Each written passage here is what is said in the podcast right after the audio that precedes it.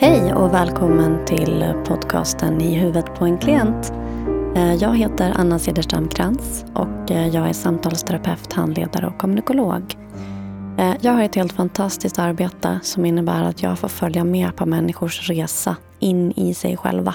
Och för att lyfta slöjan som ligger kring terapi och förhoppningsvis också inspirera fler människor till att våga söka hjälp så har den här podden kommit till.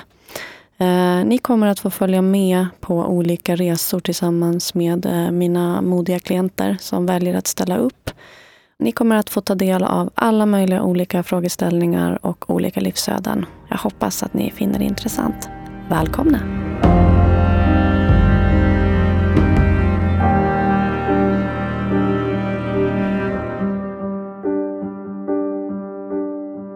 Hej och välkommen till ännu ett avsnitt av I huvudet på en klient. Idag har jag fått med mig Freja. Hon heter såklart någonting annat i verkligheten. Hej Freja, välkommen! Hej, tack snälla! Tack själv för att du vill göra det här. Berätta vad det var som kändes spännande med att kanske vara med och dela din historia. Nej, men jag har nog egentligen alltid varit ganska öppen med mm. i alla fall både till fel och rätt människor med min historia. Men jag tycker att podcast är ett väldigt bra socialt medie och att dela det här och inspirera andra till att ta hjälp när man behöver kändes ganska självklart. Mm. För nu har jag kommit ganska långt i mitt liv och då är jag redo att dela det. Mm. För kanske några år sedan var jag inte redo att dela det och då blev det liksom fel istället. Ja, och ja. det är det vi ska prata om. Ja. För det är ju några år sedan du och jag började träffas. Det är snart tio år sedan. Jag vet.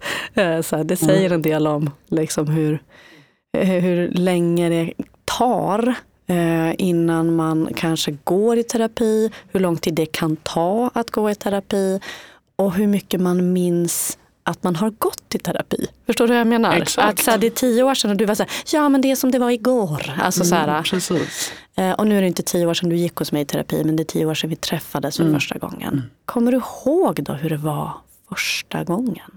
Ja, jag gjorde det. Jag funderade på det på vägen hit faktiskt. Och jag tror att då för mig att börja i terapi var lite som ett infall för att jag fick tips av någon. Mm. Och sen så när jag började kom det ju fram väldigt mycket saker hur jag kanske egentligen mådde. Mm. Jag var nog ganska självsäker just, just då och då mm. och var så nej men jag mår så bra så det här blir bara kul. Och sen så gick det ett litet tag och så började man inse att oj, oj, oj, det här kommer fram och det här kommer fram. Att man var ganska trasig. Ah.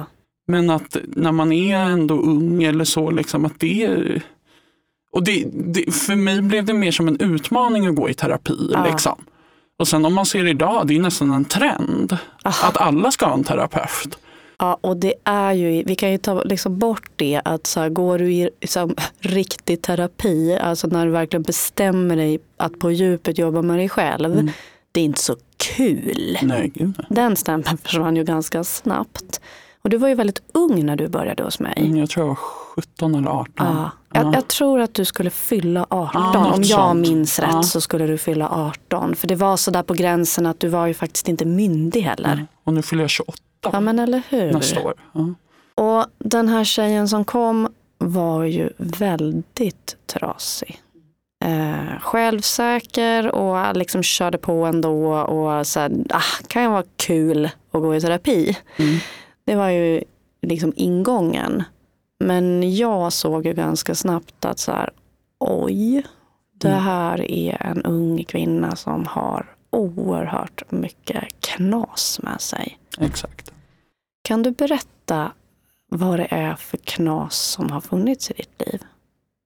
Nej, men eh, jag tror att det började ganska tidigt med ätstörningar. Mm. Och, sen, och hur gammal var du då? 13 fick ah. jag ätstörningar ah. första gången.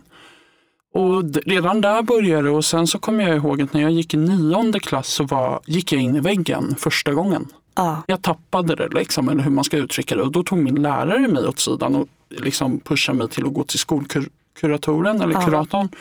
Och då kom det fram mer så här, ja, men din morfar har ju dött, det är kanske därför du mår dåligt. Mm. Fast det var ju inte det. Nej. Och sen det här ständiga känna sig utanför. Ett utanförskap kom ganska tidigt för jag gick i en klass där alla var poppis. Mm. Men jag var inte det. Nej. Och det trycker ner en i skorna mer än vad man vet. Och sen började jag i gymnasiet och då började jag må ännu sämre med depressioner och liksom så. Och sen så tror jag att jag har allt från det här flick, eh, duktiga flicka-syndromet. Man ska prestera, prestationsångest vid en väldigt tidig ålder. Mm. Och när jag gick i liksom låg och mellanstadiet var jag väldigt poppis och mådde väldigt bra. Men sen kom det som en så här, en käftsmäll och börja, vad blir det? Ja, det var ju högstadiet där. ja. Ätstörningar, började jämföra mig.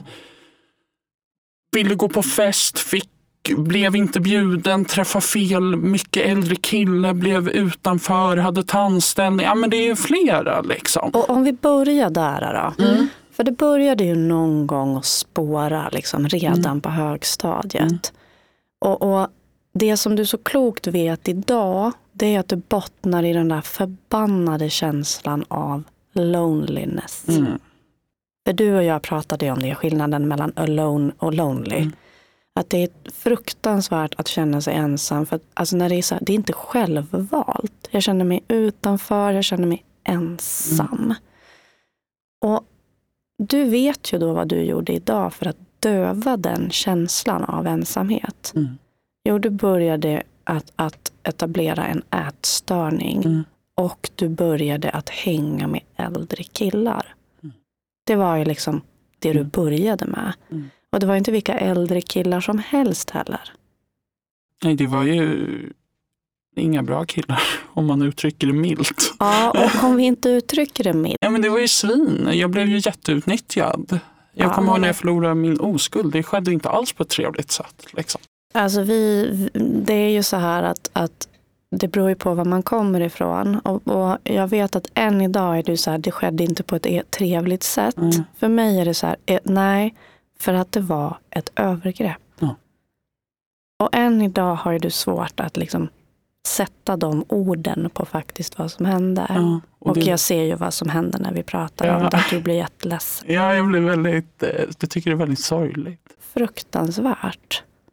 Och eh, sen började det ju... Så det är din initiering till sex. det, det är var liksom- ju det är ett övergrepp. Liksom. Ja, Vilket är helt fruktansvärt.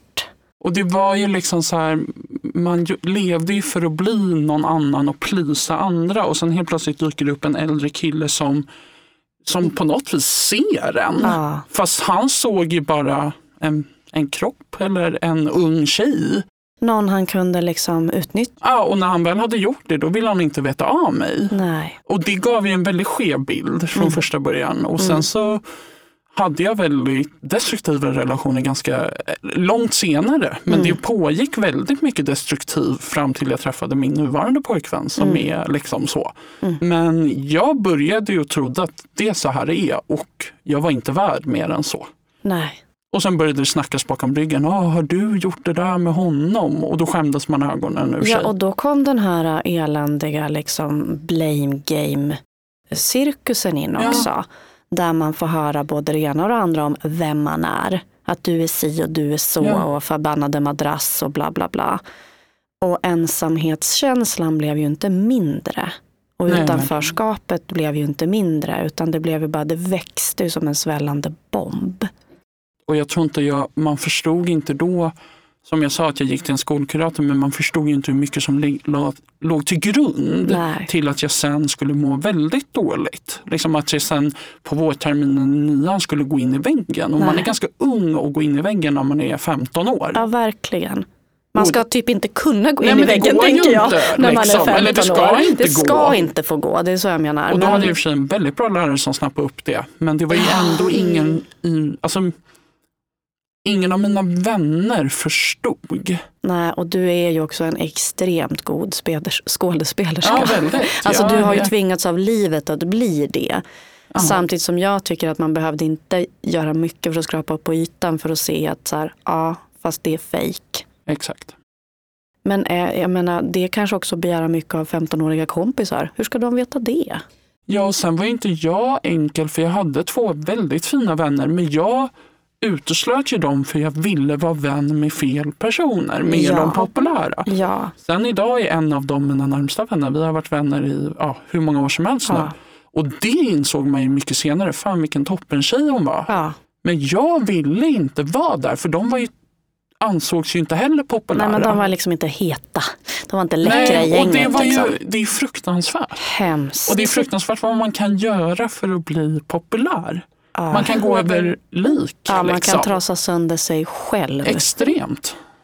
För, för det, som, det som var var ju att det var ju så här det var. Alltså det Ja. var ju väldigt mycket destruktiva beteenden. Det kom en liksom utbrändhet. Du skulle då börja gymnasiet med att, att vara utbränd. Så hur gick det? Hur gick det att börja gymnasiet så här trasig? Ja, men det blev ju, alltså, jag kommer ihåg första halvåret, jag bara grät. Liksom. Och sen så mm, blev folk var jättesnälla och jag gick i en jätterolig klass med räddningstjänst och jätteroliga grejer. Men jag var ju inte kapabel till, alltså jag var så rädd för att människor skulle se sanningen på något sätt. Och jag var rädd för vad folk skulle tycka och tänka vilket gjorde att jag inte hela tiden under gymnasiet, jag hade väldigt roliga tider, men många isolerade mig eller fortsatte leva destruktivt. Liksom, första festen med klassen, ja, då blev man jättefull. Ah. Och, det, och sen så hade man ju jätteångest sen när man kom tillbaka till skolan för att man var fullast på festen. Ja. Liksom. Vilket är fruktansvärt. Hånglade med fel person, du var vet, full, allt allt, det där. möjligt. Ja men verkligen. Och sen så, men sen när jag väl tog studenten var man ju väldigt, man klarade det och jag, men jag har ju ingen kontakt med någon från gymnasiet idag. Ja, det är ju en ganska grisig tid. Ja. Uträ- ursäkta uttrycket, men du vet vad jag menar då. Ja. Så här, det, är liksom, det fanns ju mycket som var roligt och härligt, men det fanns ju för dig också väldigt mycket som var så här knasigt och som är i någon slags töcken på något vis.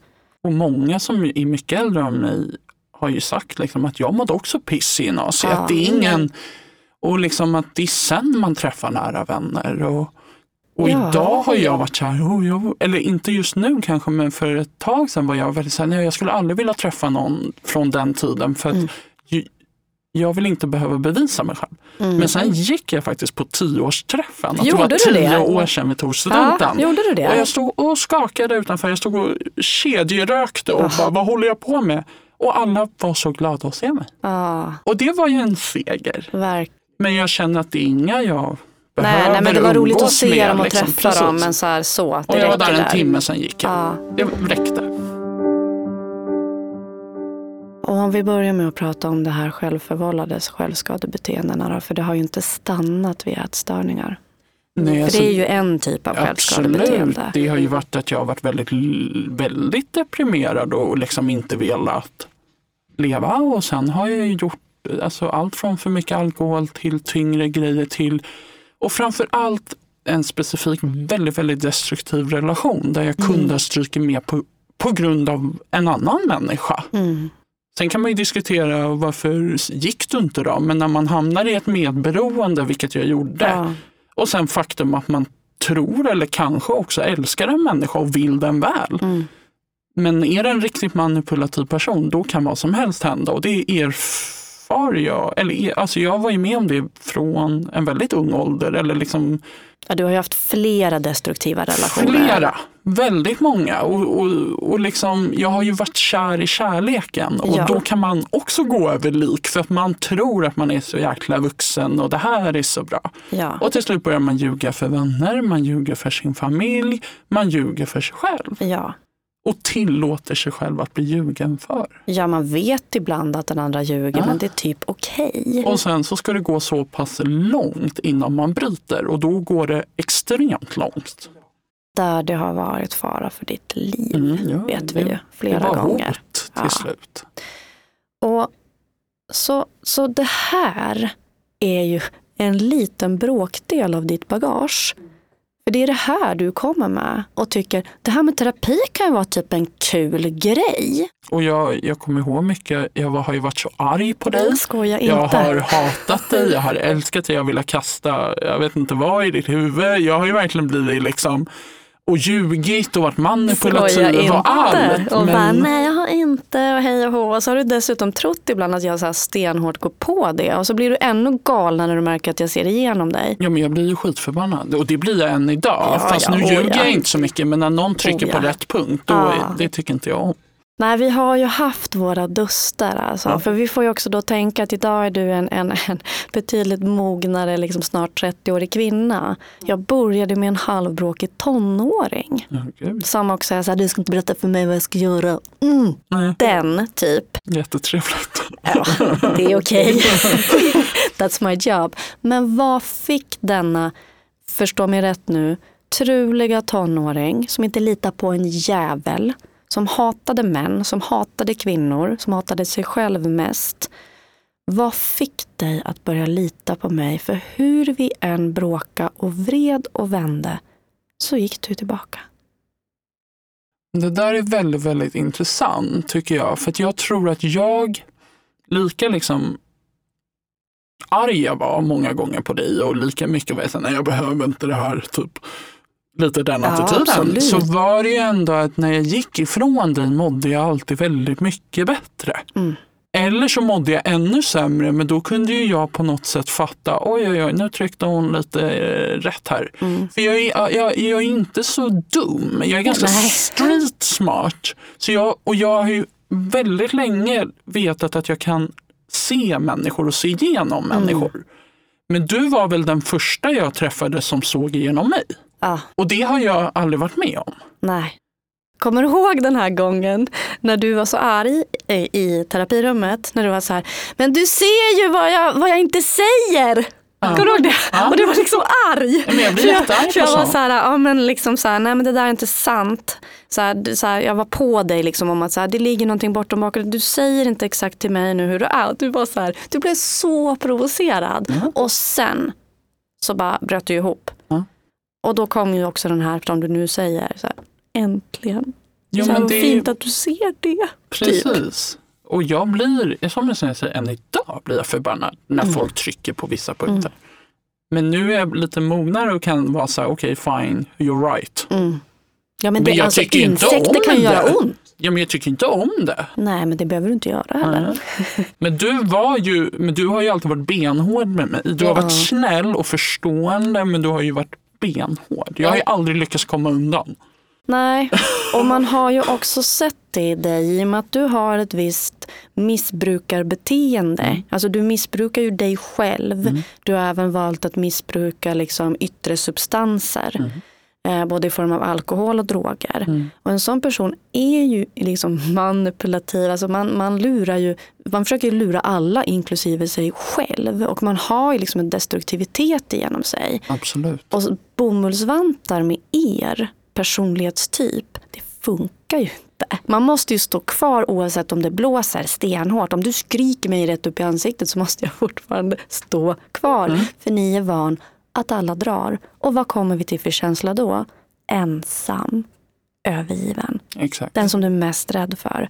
Så jag visste ju någonstans intuitivt och via utbildningen att stå för helvete kvar. Fattar inte hur du orkar. Ja. Nej, men det är också så här som jag kan se på mig själv idag. Jag har en väldigt fin partner som har stått vid min sida i fem år och det har varit mycket upp och ner och liksom så. Och när någon står vid min sida och är ärlig med mig och liksom håller kvar, då håller jag kvar. Mm. Och då blir jag väldigt ärlig tillbaka. Jag blir väldigt...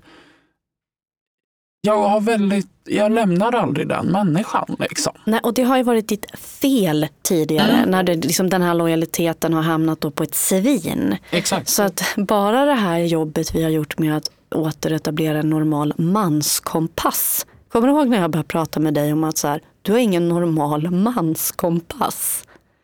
Och du var så här, eh, va? Bara- Och Ja. så började vi ju prata om så här, ja men vad är det egentligen du vill ha hos en man? Kommer du ihåg det? Mm. Och så Mm. pratade du om att så här, men jag vill ha någon som liksom står vid min sida. Alltså det var ju liksom jätteviktigt. Så här. Det var ju en av de, liksom, så här, ja, men han får liksom inte, han får inte så här, ljuga, han får liksom inte baktala mig. Alltså han ska stå för mig och oss i alla lägen. Även om jag är för full på en fest så ska han vara så här, ja hihi, nu har min flickvän blivit lite för full. Men han lämnar mig inte, utan han tar hand om mig och ser till att jag har det bra. Kommer du ihåg det? Ja, gud, ja. Alltså jag ser hur du ler. Ja, men jag blir ju väldigt glad för att jag har hittat det. Men jag blir också konfunderad över att jag trodde att vissa var så, så var det inte riktigt så. Nej, För att jag inte menar, alls. du hade ju någonting helt annat i så extremt många år. Ja. Alltså den kärlek du sökte, den var så trasig så att alltså, jag får nästan rysningar bara jag tänker på det. Ja, men jag blir också jag blir ledsen för min egen skull. För att Mm. man Alltså att man kan vara så, ursäkta uttrycket, men så egentligen bekräftelsekåt. Ja.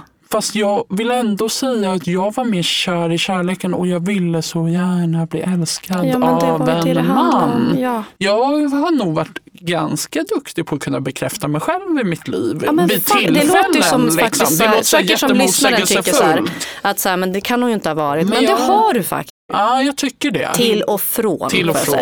Men att det här att känna, och det lärde ju du mig, eller det är ju det vi mycket har kommit fram till och jag tycker det är en av nyckelgrejerna i vår terapi är att jag har aldrig tillåtit mig själv att bli älskad av en man och jag har av någon, ska Av jag säga. någon. Varken av män eller kvinnor. Och nu Av menar jag någon. i knappt av vänner heller. Det är så jag menar. Du har inte Exakt. liksom, ja, men det har varit så här, ensam är stark hela tiden. och det, Hela tiden. Livet har ju, eller mitt liv har ju krävt lite det av mig. Att ensam är stark, jag klarar mig själv. Och den mentaliteten kan jag ha än idag och den ger väl en kick. Men jag är ändå i ett liv där jag tillåter mig själv att vara svag och älska av människor, inte bara älska. Nej, för du har ju älskat. Ja, men för alltså till döds. Du Ja, har ju ja. älskat sönder dig själv. Alltså, du har älskat andra så mycket så du har slutat älska dig själv. Ja. Och vi hade ju en sån session när jag gick i skolan. Men det är väldigt Alltså, spännande. För jag kommer så väl ihåg att, att vi skulle boka om din tid av någon anledning och vi hittade ingen tid, vi höll på att strula jättemycket. Så till slut sa jag så här, men vet du vad, jag går i skolan där och där och jag kommer ha en lång liksom, håltimme. Jo, det här kommer jag ihåg. Ja, det här är så Ja, galet ja. alltså. Kom till skolan, för där finns det ju samtalsrum eftersom jag då pluggat samtalsterapeut. Ja. Så här, kom till skolan, där finns det samtalsrum. Så kan vi liksom sitta där och typ göra det här. Eh, och faktiskt får jag ju faktiskt revidera mig själv nu. Det är för att det är tio år sedan. Därför jag tänker så här, men kan det verkligen vara så tidigt? Nej, det var när jag gick i skolan igen. Det Ja. var när jag pluggade till kommunikolog. Så var det. För det var, när, det var på Götgatan. Ja, precis. Tack för jag tänkte så här, men herregud var jag Nej, så jag ung och så oerfaren? Det var jag faktiskt inte. Nej. Men jag pluggar ju liksom nästa utbildning. Och då kommer du dit, ganska dåligt skick. Lite som en fågelunge. Va? Så, ja, och jag vet att någon klasskompis till mig var sådär, äh, liksom, ja men ska inte du, jag bara nej, jag ska träffa en kompis för jag vill ju liksom inte outa dig då Mm. heller. Och jag såg hennes blick när hon var sådär, men vad är det för kompis hon ska träffa? Alltså för du kom ju som ett litet darrande asplöv.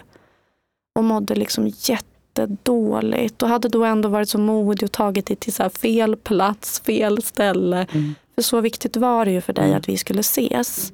Och jag hade ju förstått det. Det var ju därför jag var så här, men kom då på min håltimme där och Det var då. ju fantastiskt. Ja men är man med någon så är man med någon så gott Mm. man kan i alla lägen. Och den sessionen, den kommer jag aldrig glömma. Nej, jag skrev ner den i min telefon på vägen hit. Gjorde du? Mm, jag skrev eh, kudden. skrev jag. Det kan inte ju... du berätta vad, vad, vad som hände i det där rummet? Ja, men det, var, det är nog bland, alltså jag är inte så övernaturlig av mig men jag är väldigt så här energier märker jag av. Mm. Och nu lite i senare ålder kan jag verkligen märka av energi. När det är fullmåne blir jag lite knäpp. men du satt, vi satt i varsin fåtölj Ja. och sen ehm, flyttade du nog på dig, eller om du ställde dig upp och så i den Vi fåtöljen. hade en tredje fåtölj. Du Alltså, hade en ja, tredje jag fåtölj. Då satte du fåtölj. dig liksom bredvid mig och så la du en stor kudde i fåtöljen mitt emot. Ja. Något sånt. Ja, precis så var det. Och sen så sa du så här att den där kudden är lilla. Eller det är den, alltså så här, lilla är väl flickan som föddes och som jag var när jag kanske till, liksom upp till högstadiet eller vad man ska säga. Man började så. Och då sa du till mig att jag skulle tala till lilla nu gör jag situationstecken, men Ja. lilla och eh, berätta för henne hur mycket du tycker om henne och liksom säga lite, inte förlåt, men förklara att det här har jag gjort mot dig Mm. och ja, du får hjälpa mig, jag kommer inte, men något sånt. Jag sa så här att, att det finns ju flera delar i dig. Ja. Och det finns en liten, liten tjej som bor i dig.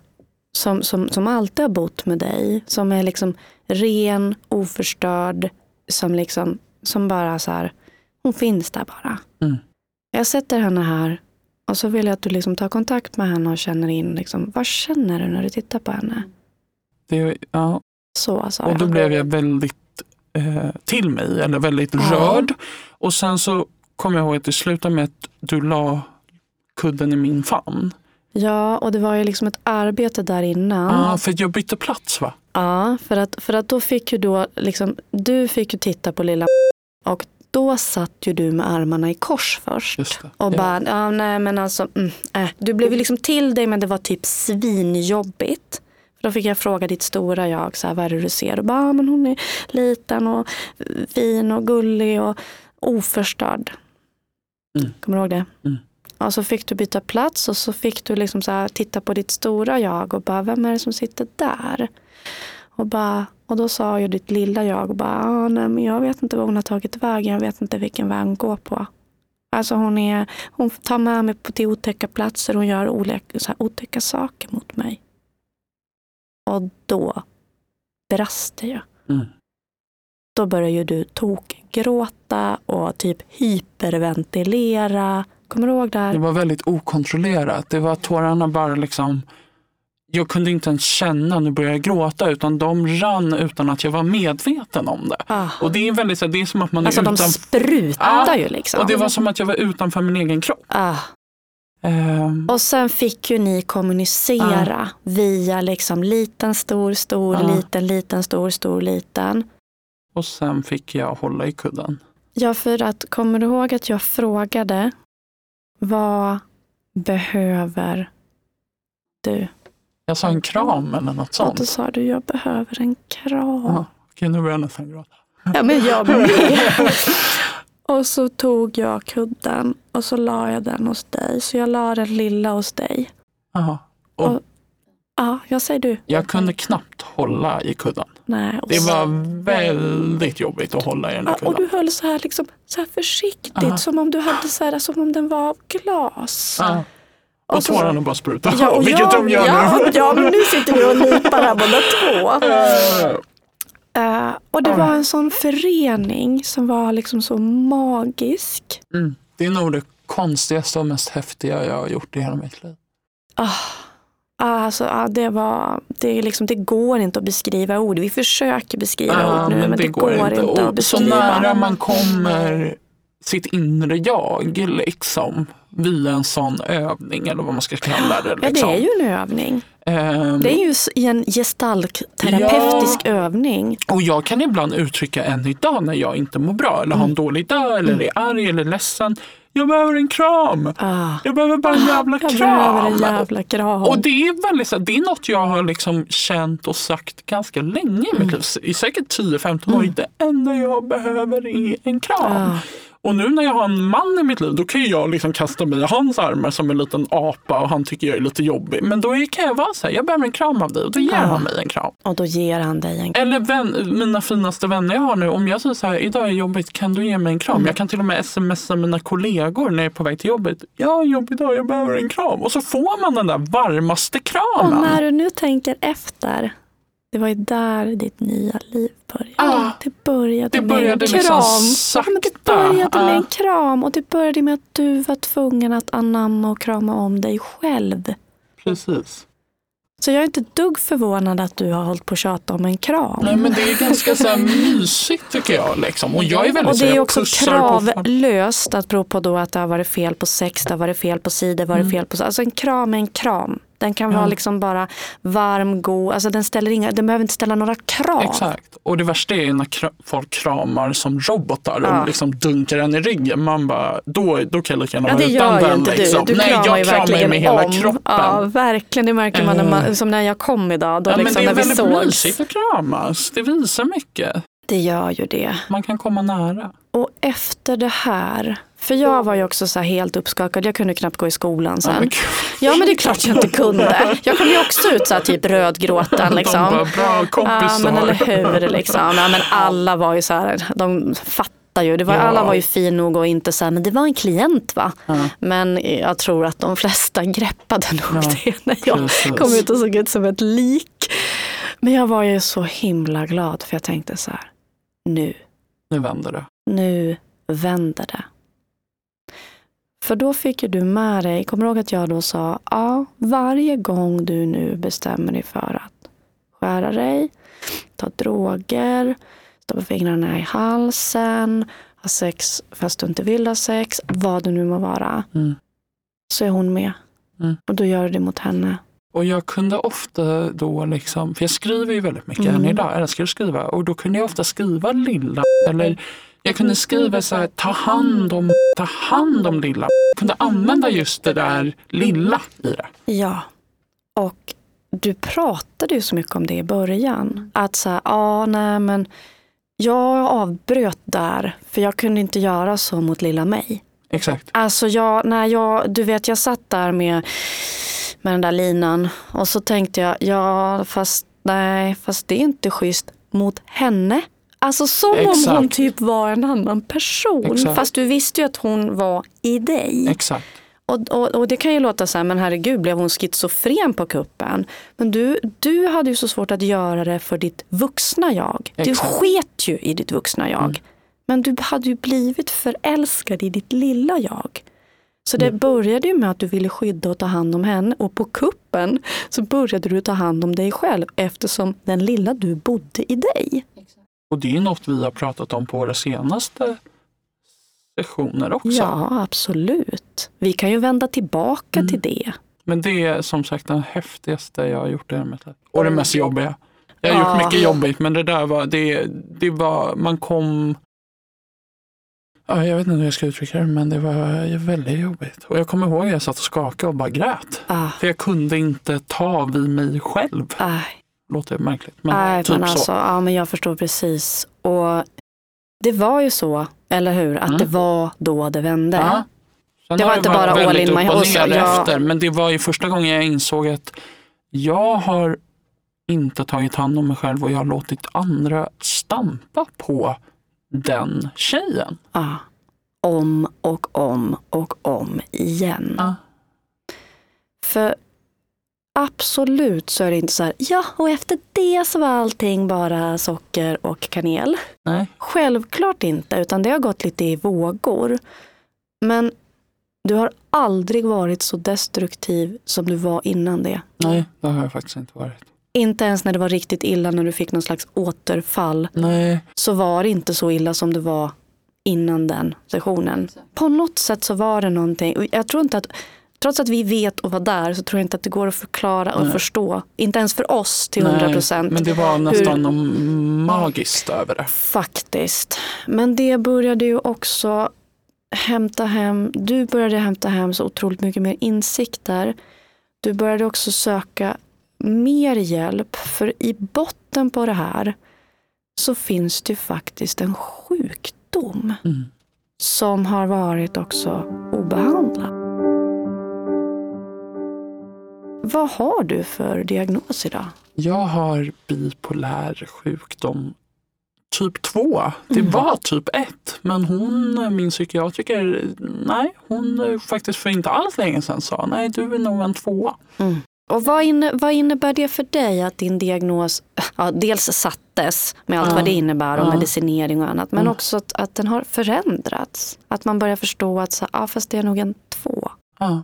Eh, nej men det, det är skithäftigt och liksom eller så här, min psykiatriker sa till mig att hon bara, jag har aldrig sett en sån medvetenhet och en sån självinsikt hos en annan patient jag har. Hon bara, du är nästan lite dum i huvudet för att du är så medveten om dig själv. Alltså inte så uttryckte hon sig, men jag är Jag lite dum i mig det, huvudet. men alltså, jag fattar vad du menar. Så här, hon bara, det är, inte, rikt- det är väldigt, väldigt ovanligt. Ja.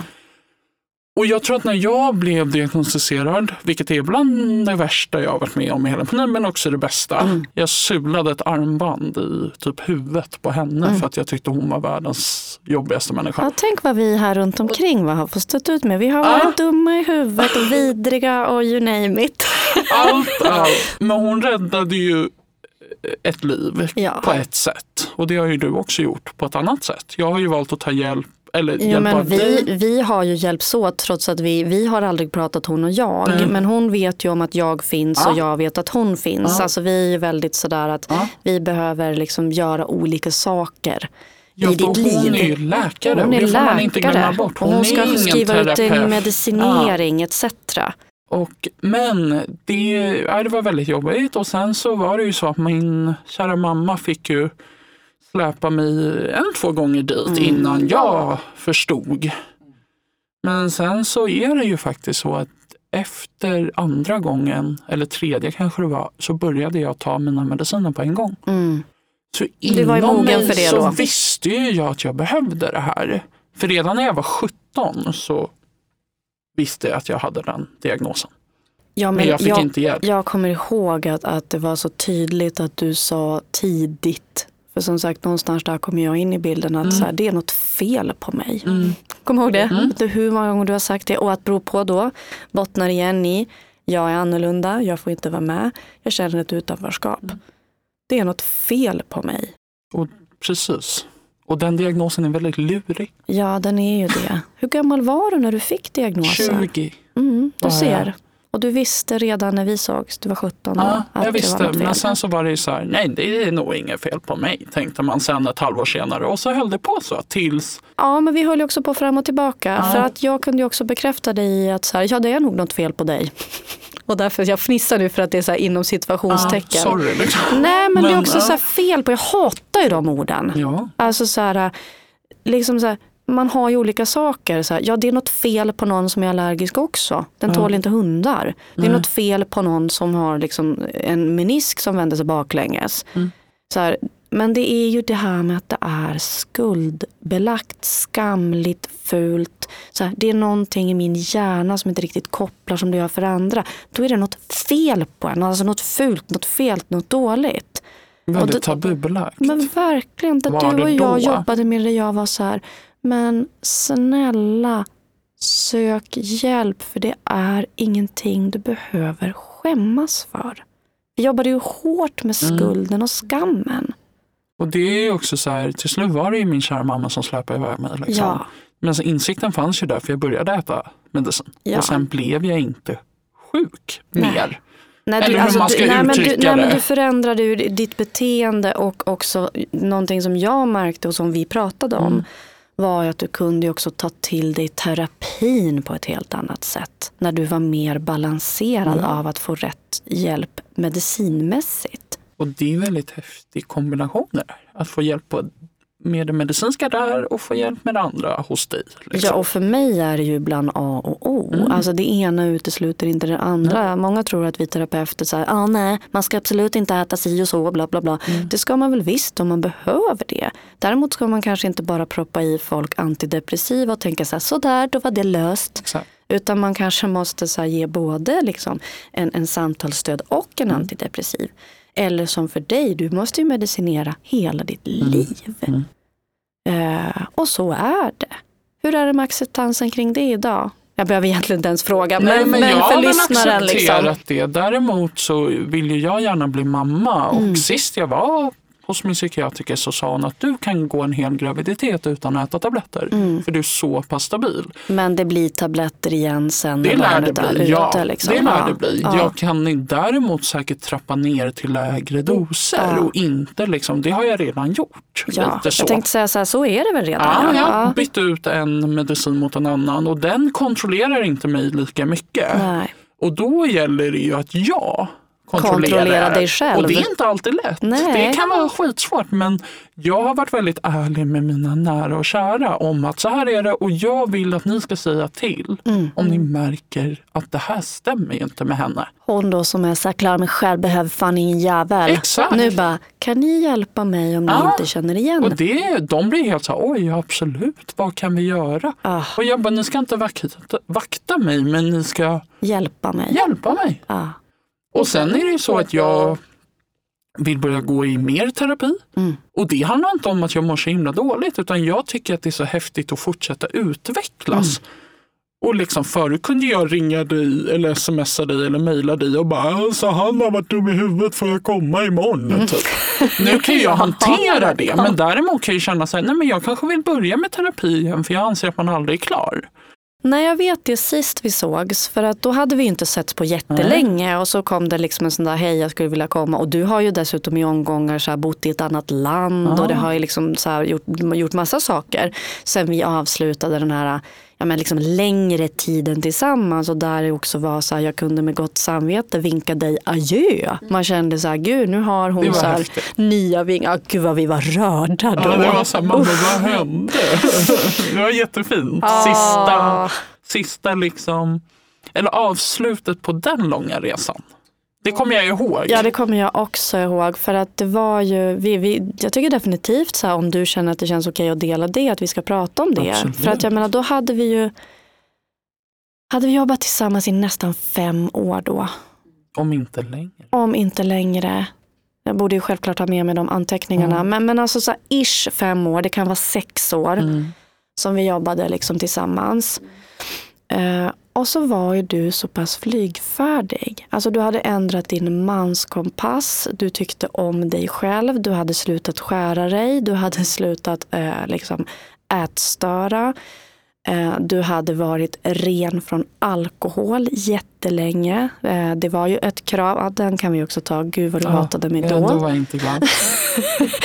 Eh, Du hade varit ren från alkohol hur länge som helst. Eh, Till och med kunnat börja, börja med alkohol, låter ju hemskt, men alltså så här, i ett normalbruk.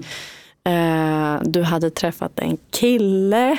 Eh, Så här, du skulle flytta utomlands och hade fått ett jobb. Ja, du hade dessutom gått en utbildning På tre år. på tre år. Hon som hade fullt upp med att bara klara skolan. Ja. Hade gått liksom en utbildning som är rätt komplicerad ändå. Mm. Eh, och hade liksom skaffat dig ett jobb. Det har ju hänt lite kan Ja, man säga. Och så skulle vi liksom någonstans säga, ja nej men då, vi hörs. vi hörs. Nej, det var, ja. jag kommer ihåg att jag ringde någon, någon kompis och sa att jag har haft mitt sista terapisamtal. Ah, Och det var något så här, man bara, vad hände och jävlar vad coolt det här är. Ah. Kommer du ihåg hur det var då när vi skulle säga hej då? Ja men det var ju, åh gud nu börjar jag gråta. Nej, men Snart det- kommer jag också börja. Nej men det var, det var som att liksom, Ja, jag vet inte, det var just det här Alltså det, det går ju inte att beskriva för att jag menar på något sätt som jag sa, du har ju räddat mitt liv. Eller vi tillsammans har vi gjort räddat mitt liv. Men det var som så här, ska man, hur ska man avsluta det här? Det, var, det gick inte och så var jag så här, ja men jag lär ju komma tillbaka för det går ju liksom så.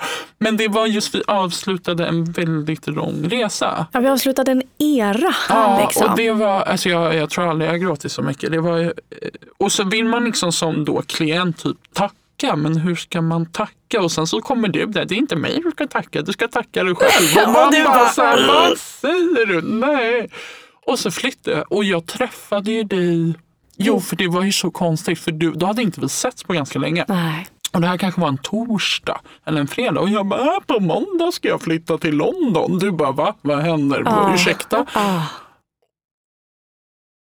Och det var väldigt fint att få träffa dig precis innan det hände. Ja, det var som att det var, så, det var liksom viktigt för Ja, dig. för sen samma dag som, nej, eller, ja, jag, ja, om jag minns rätt, men jag, skulle, jag hade precis bestämt i alla fall att jag skulle flytta till London. Ja. Och det var ju så konstigt att komma till dig och bara, Anna vet inte om det här. Nej.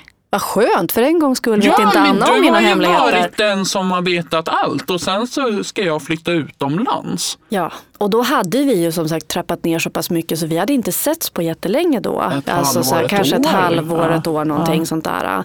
Men vi hade liksom inte helt avslutat utan du gick lite när du behövde. Mm. Det var lite så vi låg i fas då. Och det var ju nästan, och det är inte så det ska vara, men det var ju nästan som att du ville ha mitt godkännande. Ja, men det var det. Typ att så Ja, här, det var det. visst kan jag väl flytta? Ja, men jag tänkte precis säga det, jag ville ju gärna träffa dig för att jag visste att det här är ett av de största besluten Mm. du tar i en frisk tid. Ja. Alltså, och många var ju så här, du, för jag flyttade ju då till min pojkvän Mm. och många tyckte att du ska inte flytta för du flyttar för honom. Och då blev jag svinförbannad för att jag flyttade för min skull och det Mm. Ja. var jag tydlig med. Men jag behövde dig i att du skulle bekräfta det, Mm. tror jag. Och vad sa jag då, kommer du ihåg det? Nej, det kommer jag faktiskt inte ihåg. För det kommer jag Ja, ihåg. då får du berätta för mig. För du var ju sådär och då sa ju jag precis fast det behöver ju inte du min bekräftelse på. Du vet ju Mm. vad som är rätt för dig. Mm. För nu har ju du koll på din kompass. Mm. Kommer du ihåg nu? Mm. Så sprack du upp i världens... Ja, men jag var jävligt stolt Och alltså. bara, jag vet! Och bara så här, du såg liksom bara så här helt euforiskt glad ut och bara, ja det har du rätt i, jag Ja. vet själv. Och så sa jag sen att, och ja, jag tycker det är en bra idé. Ja. Och det var ju det. Det var en väldigt bra Och sen hade ju vi kontakt någon gång när jag bodde i London. Tror det hade vi. För jag hade ju sagt att är det någonting så är det ju, jag är ju bara ett Skype-samtal bort. Liksom. Och det är ju också mycket så här, bara för att du skulle känna handen i ryggen. Att så här, hon behöver säkert inte det. Men det kan vara bra för henne att veta. Och så hördes vi någon gång när du var i London. Gjorde vi. Eh, och grejen är att, att så här, för oss så är det här så här, ja men så här, vi vet så mycket om vad som ligger liksom bakom. Det är därför vi säger, åh gud, det är så stor grej. Det vet ju inte lyssnaren.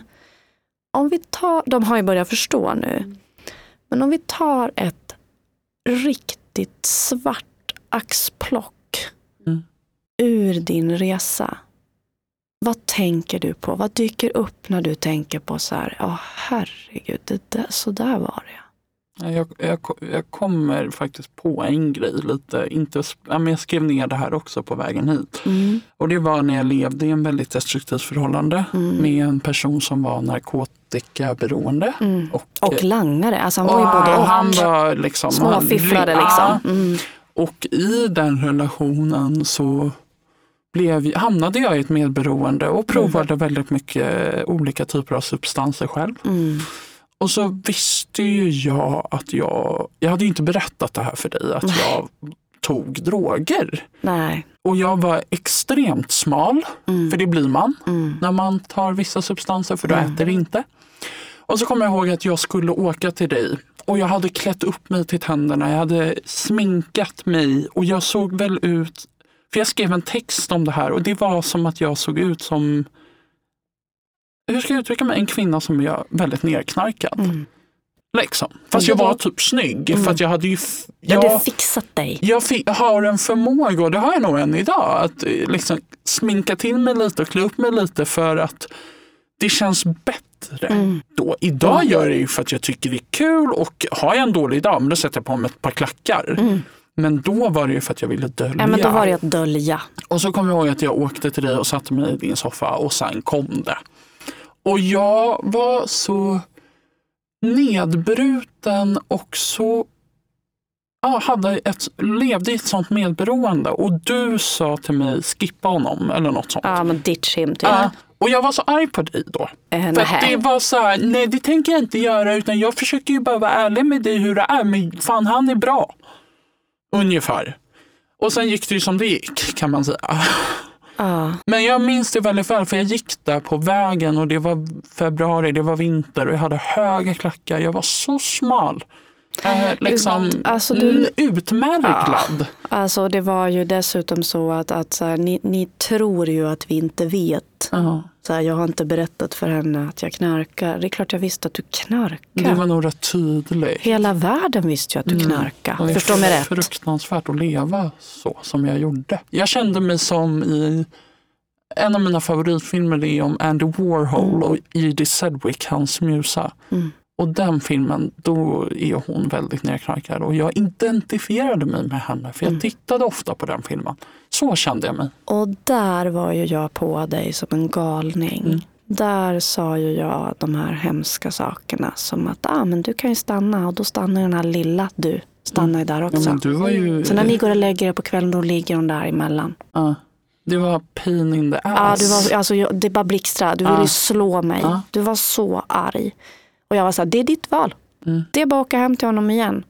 Men så här, då får du ta reda på, alltså, då får du fatta vad det är du signar Mm. på. Du signar på det här livet, du signar på de här sakerna.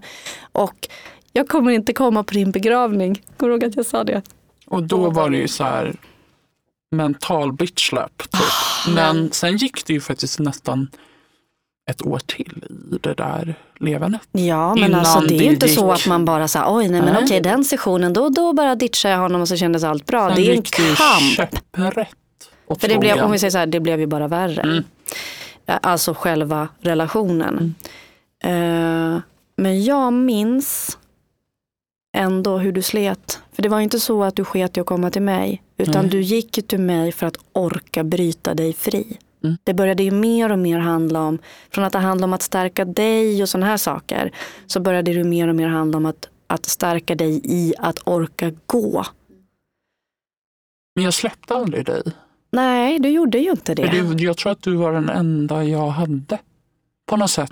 Konstigt Eller liksom, jag hade ju väldigt fint stöd från lite, alltså mamma och syskon, men de var ju väldigt blinda. Kärleken är blind och det är den. Mm.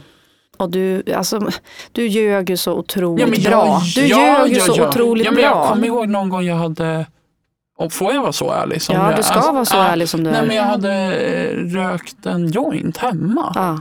Ja. Och mamma var så här, vad fan är det som luktar? Och jag Ja. bara, det är mina nya mentolcigaretter. Och hon bara, gud vad äckligt. Jag bara, jag vet men de är goda. Alltså hur dum får man vara? Men hon trodde på mig. Ja, Eller, för man kanske också vill tro. Ja, alltså, sen så här, kom det till ju fram mer och mer och mer och liksom. mer, liksom, och jag ska inte försvara pågick. henne, men, men liksom så här, ja, kärleken är ju blind. Kärleken är blind. Och de hade det inte så lätt med mig. Och jag var jättemanipulativ. Mm. Extremt. Men du, Och du hade det inte så lätt med dem heller. Det var en väldigt säga. svår tid. Det var en väldigt svår Men tid. du var, jag släppte ju inte dig och jag, det, det är någon så undermedveten trygghet. Ja. Och sen så var det ju så att jag ville ju må bra. Ja, men det, var, det är det som också har varit så häftigt med dig med din drivkraft och Mm. liksom sådär att, att mitt i allt det här stöket så vill du ju någonstans komma ifrån. Du bara, jag vill inte ha det här livet. Jag vet inte hur jag ska ta mig ur, jag fattar inte vad jag ska göra, men jag vill inte. Och så länge jag brukar säga så här, för folk frågar ju mig så här, men hur orkar du med dem? Manipulativa, knarkande, liksom, så här, det är ångest och det är självmordsförsök och så här, hur orkar du ha det jobb du har? Jag bara, så länge de vill så länge de liksom har en lust till att må bra och jobbar aktivt själva för att förändra. Då är inte jag den som viker ner mig. Då följer jag med på deras resa. Eh, Men det är ju, jag, jag var ju, jag är väldigt sällan rädd. Men det jag var rädd för efter den sessionen var att tänk om jag har gått på henne så fruktansvärt hårt nu så att hon även släpper mig. Ja, men du, ja. Alltså det var ju det enda jag var rädd för. Nu blir jag ledsen igen här. Vad bra det går för oss. Vad blir du ledsen över nej men jag känner att det är så jävla tragiskt. Ursäkta språket, men jag kommer ihåg hur liten jag var både fysiskt och psykiskt. Och att, att man kan vara så nerkörd på botten att man hatar den som älskar en mest. På riktigt Ah. älskar den mest. Och att man kan skjuta dem bra så långt ifrån sig för att dels skydda sig själv men också skydda en jävla idiot. Och liksom hur man... För jag kan ju tänka på mycket liksom med mina småsyskon som står mig Alltså de är mina hjältar i livet och än idag kan jag vara så här, fan att de behövde gå igenom det där Ah. som de fick gå igenom. Men samtidigt så har ju vi, nu när jag är vuxen och mår bra, att jag har ju varit så här, ni måste fråga mig, ni får fråga mig vad ni vill. Jag kommer aldrig lämna er. Mm. Och jag stod och höll ett väldigt fint tal på min lillebrors student i somras. Och det var mitt förlåt. Ja. Eller min ursäkt, eller min så här, jag älskar dig lika mycket tillbaka och jag kommer aldrig glömma. Vad du har gjort för mig. Nej. Nej. Och det är så häftigt när man får göra en sån grej. För min lillebror är liksom, han är den finaste människan som finns. Ja. Alla kategorier. Ah. Han är den enda som inte har något fel. Liksom. alltså. Och jag förstår ju inte hur vi ens ska vara släkt. Det förstår inte jag. Men när jag fick hålla det talet till honom, det var, för jag lovade honom att jag är din för evigt i ett tal. Men just det där att, att man kan vara så nerknarkad, nerbruten, Destruktiv, är, destruktiv, vidrig, att man galen. liksom förgör de finaste man har. Ah. Det gör att jag blir ledsen Ja. nu. Och sen så är det ju väldigt märkligt att jag gick tillbaka till dig, för jag ville ju aldrig mer se dig. Liksom. Nej. Rent krasst. Nej, det sa du väldigt många gånger. Just då liksom. Men du fick ju mig att fortsätta.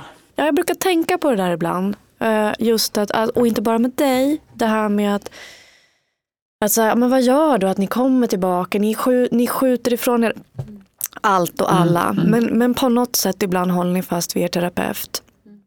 Jag har ju en egen teori om det där. Framförallt om vi pratar om din resa, för det är den vi pratar om nu. Mm. Du var ju så otroligt utan gränser. Gud, ja. Ja, men alltså även hemifrån. Ja, alltså, så här, det var ju väldigt gränslöst. Det var en sån här gränslös kärlek Ja, som blev allt- väldigt ja, det fel. blev fel. liksom. Det blev så, här, så att de menar så otroligt väl och det Ah, blev så ja. fel. Men det, ja. Mm. och, och så var du gränslös själv i ditt eget beteende. Alltså det fanns, det fanns liksom inga, inga gränser. Nej. Och vad, vad är det jag tjatar om jämt och vad är det jag står för? Jo, gränser. Och det är ju något jag har lärt mig av dig. Ja, och jag tror att det var därför du kom tillbaks. Ja. Förstår du vad jag men- menar? Att så här, hur det än var så, så, så stod jag för någon form av gränssättning och liksom stabilitet. Mm. Och jag behövde ju det och jag sökte ju det. Du sökte ju För att jag, hade gränser. ju, alltså jag är ju än idag så adrenalinjunkie, Ja, jag ja, hoppar ja. bungee jumps, jag gör allt det där. Liksom. Men då var det ju som att hela mitt liv var en ändra adrenalinkick. Ja. Fa- fast Testing, av- testing, testing, testing, Ja. testing. Hur långt kan jag gå? Hur långt kan jag gå? Hur långt Precis, kan jag fast gå? av destruktiva saker. Så när någon helt plötsligt bara gav mig en liten boxningshandske och tog ner mig ett snäpp på den där väldigt höga hästen jag satt på. Då blev jag så här, oj, titta någon säger till mig. Ja. Oj, oj, oj, vad häftigt. Och sen var det ju så att omedvetet var viss, behövde jag det och därför kom jag tillbaka.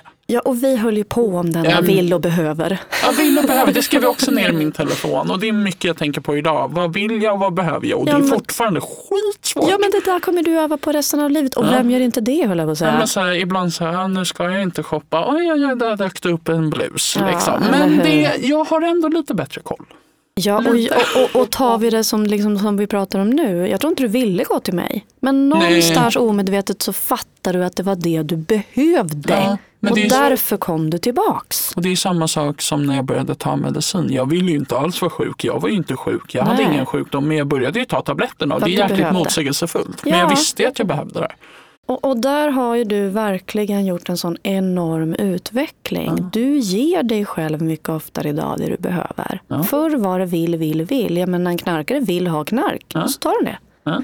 Nu kanske du så vill göra massa saker och inser så här, ja det här vill jag, det är också vad jag behöver, bra, det här vill jag, det är absolut inte vad jag behöver, så jag gör inte det där.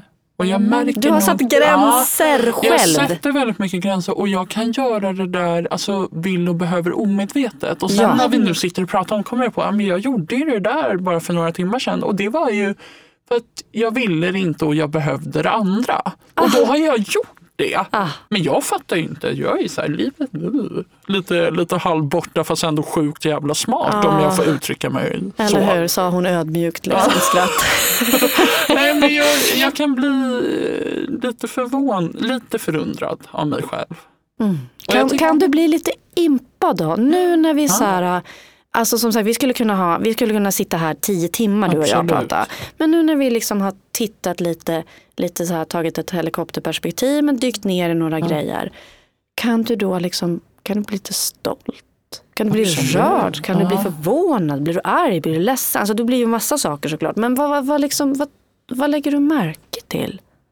Ja, men dels lägger jag märke till att jag är, hanterar hinder i livet mycket bättre. Mm.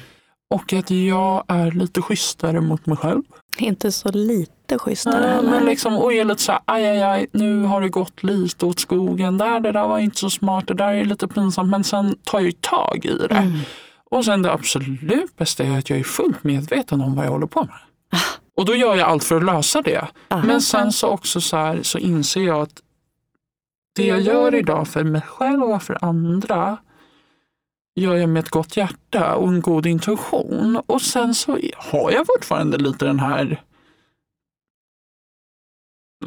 like love me or watch me as I go-attityden. Ja, ja, ja. Och den räddar mig mycket. Ja. Men jag är mycket bättre på att stå på mig, jag tar ingen skit. Ja, men alltså du vet jag bara så här, får nästan ryspirr. Jag står på mig och jag tar ingen skit. Från hon som tog skit 24-7. Från allt och alla liksom. Det är ju magi tycker jag. Och jag älskar, och det vill jag säga är det viktigaste, jag älskar mig själv och jag älskar andra och rätt personer. Och det är tack vare dig och mig själv. Tack vare dig själv. Ja. Du gjorde jobbet. Jag stod kvar. Gav dig lite verktyg. Ja. Men det är ju en fantastisk resa. Jag hoppas verkligen att, att det här programmet har inspirerat folk att förstå att så här, det kan vara riktigt, riktigt skitigt. Men det går att vända på tåget. Allt går. Och om det här hade varit tv, Mm. då skulle de inte tro vem de såg när de hör om vad vi pratar om. Alltså det lyser om denna person. Hon, jag kom in här, jag kom efter henne, jag skulle komma före, jag, var lite, jag kom på håret här. Jag kommer in, här sitter en vacker kvinna som ser fräsch, välmående, glad ut. Alltså det är som att bara, men gud vem är du? Trots att jag har hela tiden vetat att hon finns där. Tack snälla. Ja, men det är fantastiskt. Ja. Eh, om det finns de där där ute, för det finns ju många som bara säger, mm, vet inte, ska man verkligen gå i terapi? Mm. Om nu inte hela det här, det här vi har pratat om under den här ish timmen har inspirerat, varför ska man gå i terapi? Nej men alltså, om jag säger så här, det är jättekul att lära känna nya människor, men i terapi lär du känna dig själv. Mm. Och du kommer aldrig leva ett... Om du känner att du vill och kanske skulle behöva men är rädd för att gå i terapi, gör det bara. Och du kommer märka så snabbt att det här är lite häftigt. Mm.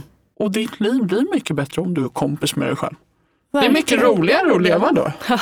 Sen så kanske du har, sen vill jag också säga att du kan behöva prova olika typer av terapi. Mm. Olika terapeuter. Jag har ju haft tur att stanna med samma jävel väldigt länge. Men det har ju funkat för mig. Ja, men det är för Men att jag- vi har klickat. Ja, men jag tipsar väldigt många om terapi. Och säger så här, testa, det kanske inte är något. Mm. Men testa. Vissa går i grupp, vissa går KBT, inte fan vet jag, men testa. För vad har man att förlora egentligen? Ja, men alltså man kan gå två gånger och sen bara, det här var ju kul. Men så inget för mig. Man, eller liksom så. Men det, jag har folk i min närhet som verkligen skulle behöva. Mm. Och det blir inget bra alltså, om man inte tar tag i sig själv. Nej, var hade du varit om du inte hade gått i Jag hade terapi? nog, ja, det, det är tveksamt om jag ens hade stått upp eller levt, skulle jag säga. Åh gud vad det är sorgligt. Ja, det är Alltså, jättesorgligt, gud. men det är jättemysigt att jag fortfarande är med i matchen. Alltså. Och jag känner att jag har Men gjort en jävla comeback. Tänker du faktiskt så? Nej, men att, alltså kanske för, för, att, för att jag kan ju tänka så. Ja, jag nej, kommer men ihåg jag att när, tänker när du berättar om hon, som Ja. jag nästan har glömt för Mm. att jag knappt vill komma ihåg henne. Mm. Det här lilla benranglet, fan. sönderknarkade benranglet. Som liksom stapplade in i terapin och trodde att så här, men med smink och liksom snygga kläder så ser ingen. Nej, Uh, ja, nu blir vi båda så här. Nej, men jag kanske Ja. hade levt men jag hade ju varit extremt vilsen och jag hade aldrig kommit dit jag är idag utan terapi. För idag så har du ju ett liv som Ja, men är jag har värt ett att leva. fantastiskt liv. Sen är jag inte klar, jag ska åstadkomma mer. Vem är klar? Nej men lite så, jag, som jag säger, jag vill fortsätta med terapi och dels är det så här, det är lite mysigt att hänga i, i soffan och det luktar gott och dricka lite te och köta lite. Men sen ger det ju alltid något, för jag behöver ju bli påmind. Ja, för tänk om det alltid var så där som du beskrev det nu. Det är lite mysigt om man sitter med en tekopp Nej men jag behöver nice. ju dina mentala örfilar ibland. Än idag. Alltså jag tror ju att vi alla mår bra av att gå i Ja, terapi. jag tror det. Och det är så, som jag säger, lära känna sig själv på djupet, det är jäkligt häftigt. Ja, det är jäkligt Sen är det häftigt. skitjobbigt. Men jag tror att leva i någon form av förnekelse eller utåt sett, jag är bra, jag mår bra. Hehe. Och sen så, och jag som har en viss person i min närhet som verkligen inte mår bra. Nu vill jag inte säga vem det Nej, är, men jag tror att du inte. vet vem det är. Ja, jag vet vem det är. Eh, det är och hur det påverkar ens nära med Mm. att man väljer att inte ta tag i sig själv. Och jag är lite hård, men jag tror att om man lever så för länge så kommer det inte, man kommer inte, det kommer sluta på ett visst sätt. Ah. Och som min såhär, en nära person till mig sa, var glad att du har tagit tag i dig själv nu. Än att du vaknar om 40 år och bara, oj då, vad hände? Men det är aldrig för sent. Jag vill Nej. inte låta så. Men det är jätteviktigt att lära känna sig själv. Bearbeta, upptäcka saker hos sig själv. För har man gjort det, då är det mycket lättare att hantera sen. Jag gör fortfarande misstag. Jag gör fortfarande så destruktiva grejer. Va? ibland, Menar, liksom. du, Jag- menar du att du gör misstag? Ja, men jag så du gör ju menar att du är mänsklig alltså? Jag gör dumma saker, jag gör allt. Det behöver inte vara... ja. Nej, men gör väl alla? Men jag människor. kan hantera det och jag är medveten. Och det är så häftigt att få göra det här. Och det är så häftigt att känna sig. Jag kan ju dra iväg ett sms till dig. Bara, Akut! Har du någon avbokning nu? Och du bara, "Eh, jaha nu är det hon igen. Ja men jag fixar det.